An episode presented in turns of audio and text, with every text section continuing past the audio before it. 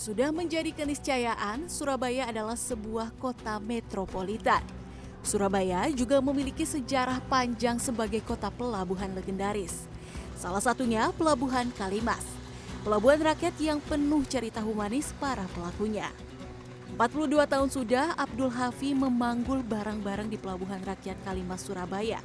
Tak ada pekerjaan lain yang ia tekuni selain menjadi kuli panggul. Sejak pukul 8 pagi, Hafi dan kuli lainnya menyambut barang-barang yang akan dibongkar muat. Kali ini beberapa kebutuhan pokok akan dikirim ke pulau-pulau di Maluku. Barang-barang seperti sirup dan tepung dari truk dimuat dengan kren. Kemudian Hafi dan teman-temannya harus menyusun barang-barang itu di kapal. Jadi begini risikonya kalau muatannya tepung, debunya berterbangan. Bapak kenapa nggak pakai masker? Capek, Benda sesak nafas. Sesak nafas. Nah, ini dalam sehari Bapak biasanya ngangkut berapa kilogram totalnya? San 100 ton. 100 ton ya? Wow. Kalau ini beratnya berapa? Satu 25. 25 kilogram. Ya. Upahnya berapa, Pak? Um, umpama upahnya kadang-kadang 400.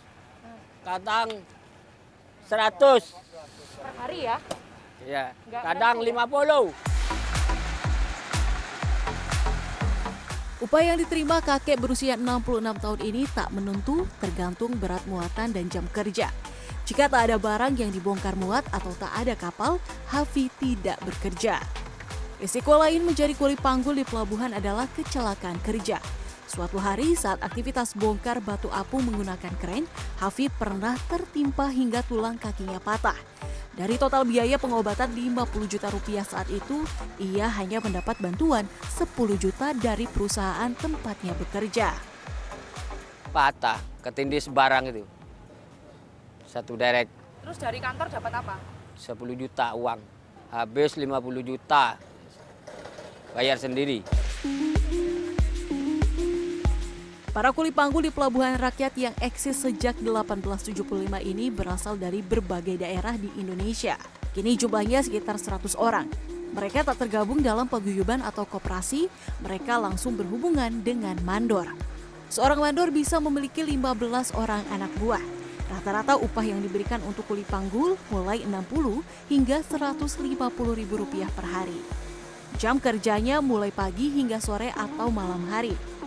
Sementara jika ada kecelakaan kerja, Mandor mengatakan perusahaan bongkar muat akan menanggung biaya pengobatan. Kecelakaan disebut sering terjadi. Kalau ada kecelakaan kerja ya perusahaan nanggung. Cuma kan sistemnya kita ini kan liar, Mbak. Nanggung, ya kalau ah, nanggung sampai sembuh, biaya per, biaya setiap harinya ditanggung sampai sembuh. Hingga kini kapal-kapal tradisional masih beroperasi untuk menjangkau pelabuhan rakyat dan pulau-pulau kecil. Dari Pelabuhan Rakyat Kalimas Surabaya, kapal-kapal tradisional ini kebanyakan menuju wilayah Indonesia Tengah dan Timur. Karena ya itu apa daerah yang tidak bisa dijangkau kapal besi, dia kan masih bisa masuk, apalagi seperti kayak masuk muara, muara-muara kecil itu, kan kapal besi kan tidak bisa masuk. Yang seperti seribu ton. Kalau kapal kayu ini kan ya kalau air dangkal kan masih bisa masuk dia ke muara-muara.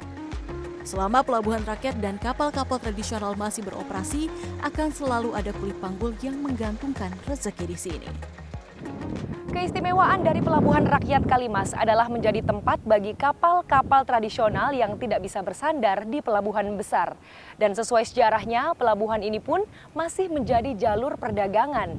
Maka tak heran jika Pelabuhan Rakyat Kalimas menjadi bagian yang tak terpisahkan dari kota metropolitan Surabaya. Kanza Tamarindora, Andreas Wicaksono, Surabaya, Jawa Timur.